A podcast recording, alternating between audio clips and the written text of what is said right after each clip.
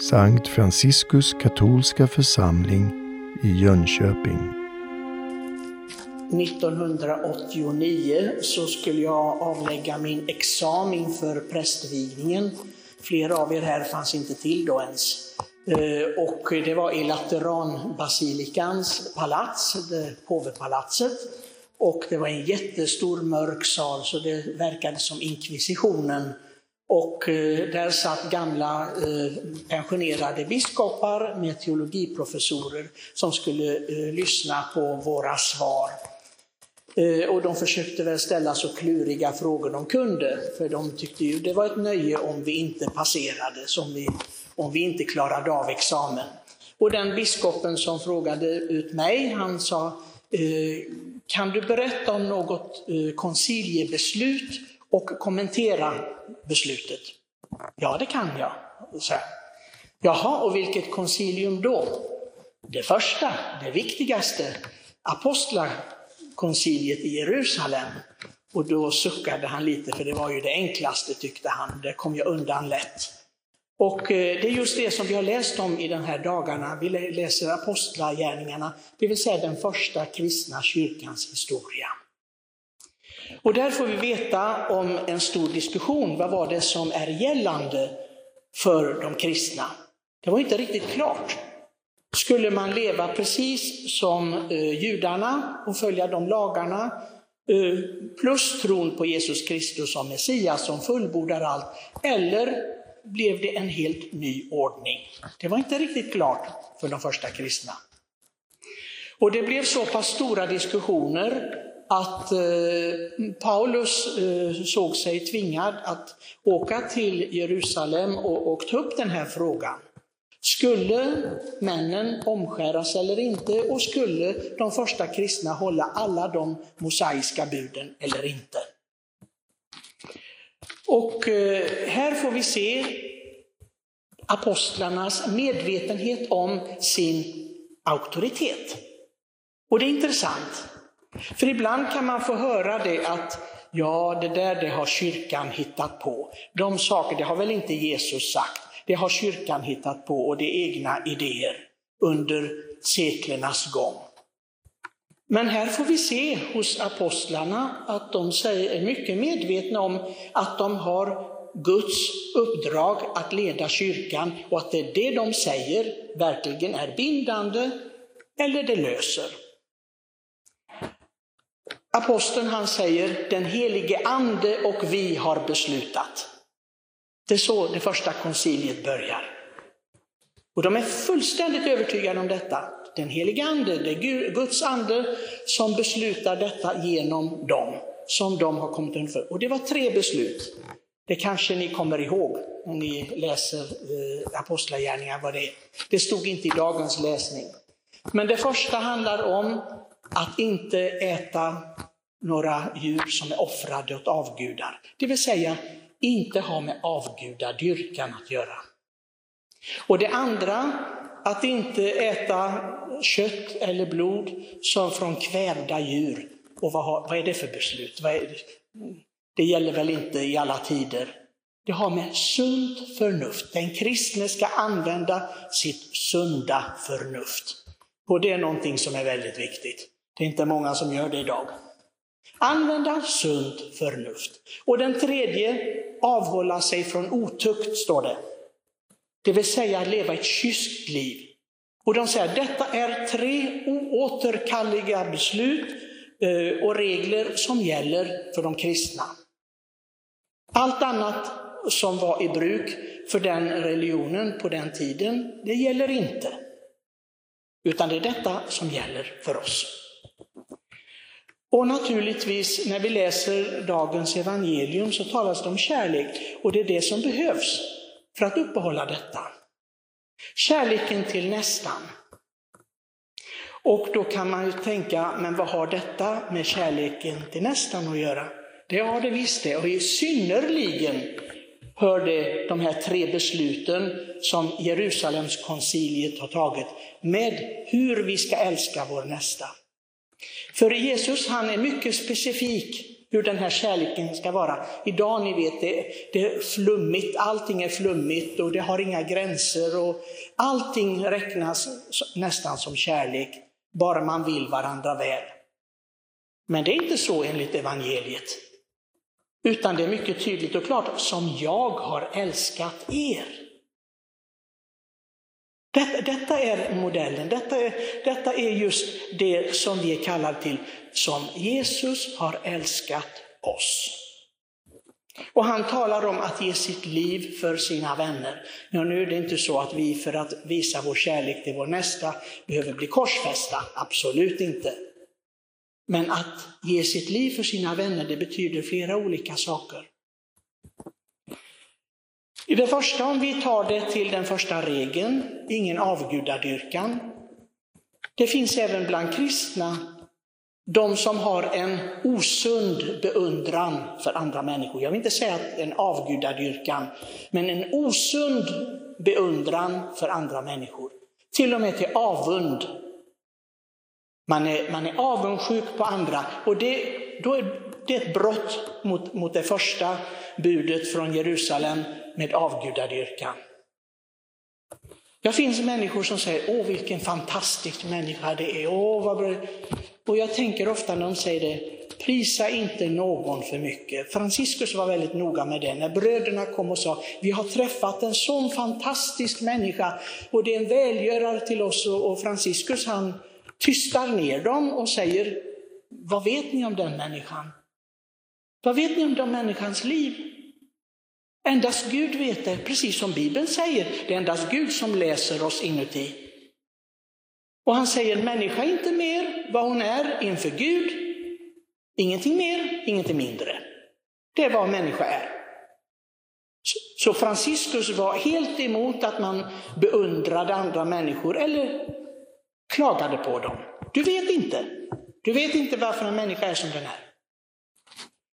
Men det finns också många som är slags avundsjuka och tänker, tänk om jag hade haft de förmånerna som den personen. Tänk om jag hade varit lite mer som han eller hon och, och haft det. Och det. det. är en slags avgudadyrkan. Det är någonting som är förbjudet för oss. Vi, vi ska inte jämföra oss med någon annan. En kristen människa jämför sig inte med någon annan. Det är någonting som vi borde veta alla. Vi är skapade exakt så som Gud vill ha oss. Jag är precis den som Gud vill ha mig. Hade han velat ha mig på något annat sätt eller ville han ha oss alla lika, hade han gjort oss i en fabrik. Då hade han tillverkat oss, serietillverkat alla i en fabrik. Tror ni inte Gud hade klarat det? Och det är just en av de här fantastiska bevisen för Guds skaparkraft. Att det finns inte, inte ens ett blad är skapat likadant. Jag fick höra det av en naturvetare som sa, vet du det att det finns inte ett enda blad på ett träd som är likadant? Alltså det är ju helt fenomenalt. Vilka grejer! Och jag är skapad unik och mitt förhållande även till Gud är unikt. Och jag behöver inte jämföra mig med någon, jag behöver inte känna mig ledsen för att jag inte är som någon annan. Jag kände en person en gång som var så ledsen för att hon inte var som lilla Therese. Men Gud kanske inte ville ha mer än en lilla Therese. Vad vet du om det? Och det är ganska så uppenbart att han inte ville ha mer än en. För varje människa är unik. Och vi måste avhålla oss från, vi tror att avgudadyrkan, och det är om jag sätter en Buddha i trädgården eller på balkongen, då är det avgudadyrkan. Det där är bara banaliteter, det är löjligt, jag skulle aldrig vilja ha en Buddha, men i alla fall. Eh, men, men det är inte det som är den svåra avgudadyrkan idag. Och all denna avgudadyrkan som vi ser i massmedia, att vi ska se ut på ett visst sätt, vi, ska vara, vi får inte ha någon mage, vi får, vi får inte ha några defekter någonstans, vi ska vara som en modell, som fotomodeller för andra. Det är avgudadyrkan, det är ingenting annat än avgudadyrkan. Och, och, det, och det sprider sig alla möjliga. Det finns ju många av våra ungdomar som har sådana komplex jag pratar med, med flera stycken skolbarn som borde vara helt fria, inte ha några bekymmer överhuvudtaget. De har massor med bekymmer.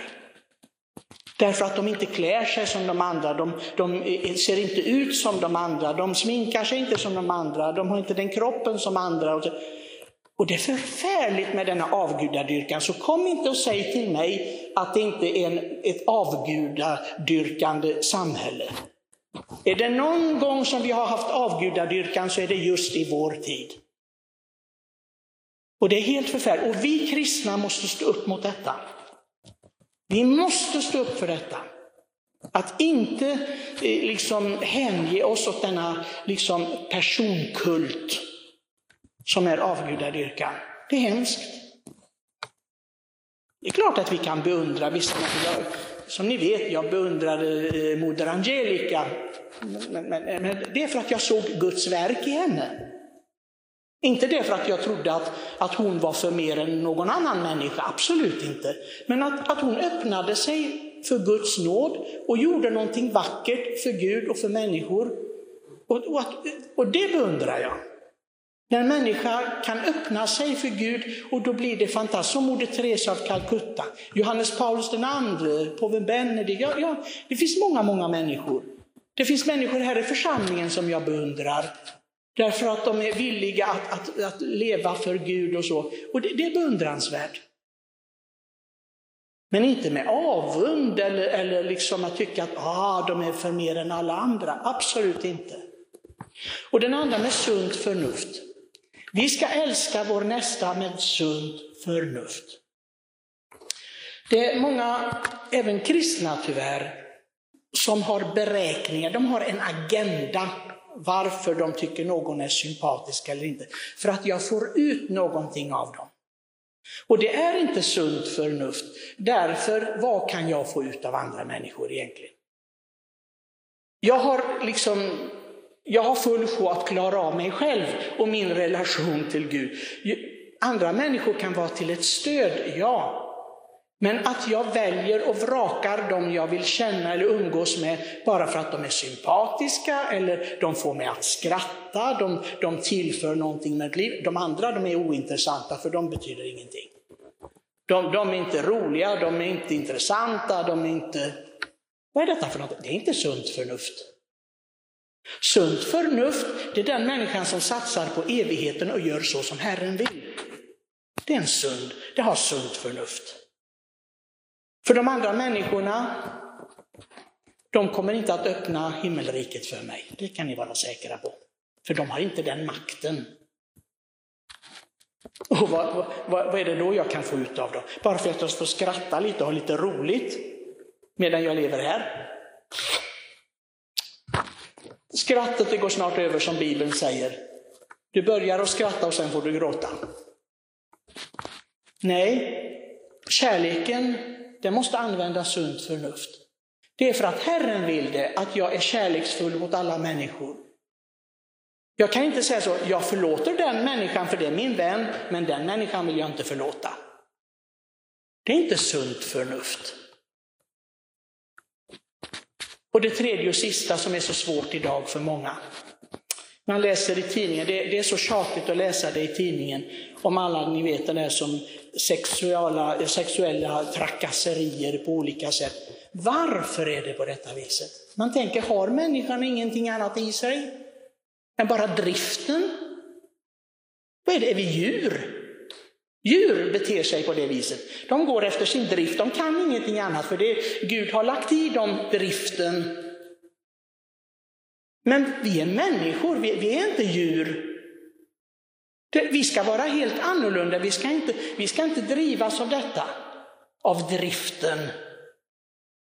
Och det är därför en människa kan vara kysk. Ett djur kan inte vara kyskt. Men vi är människor och vi står utöver detta och vi kan välja. Och denna, denna kyskheten, den ska, det, det är ju så mycket svårigheter idag så att man, man, blir, man blir mörkrädd.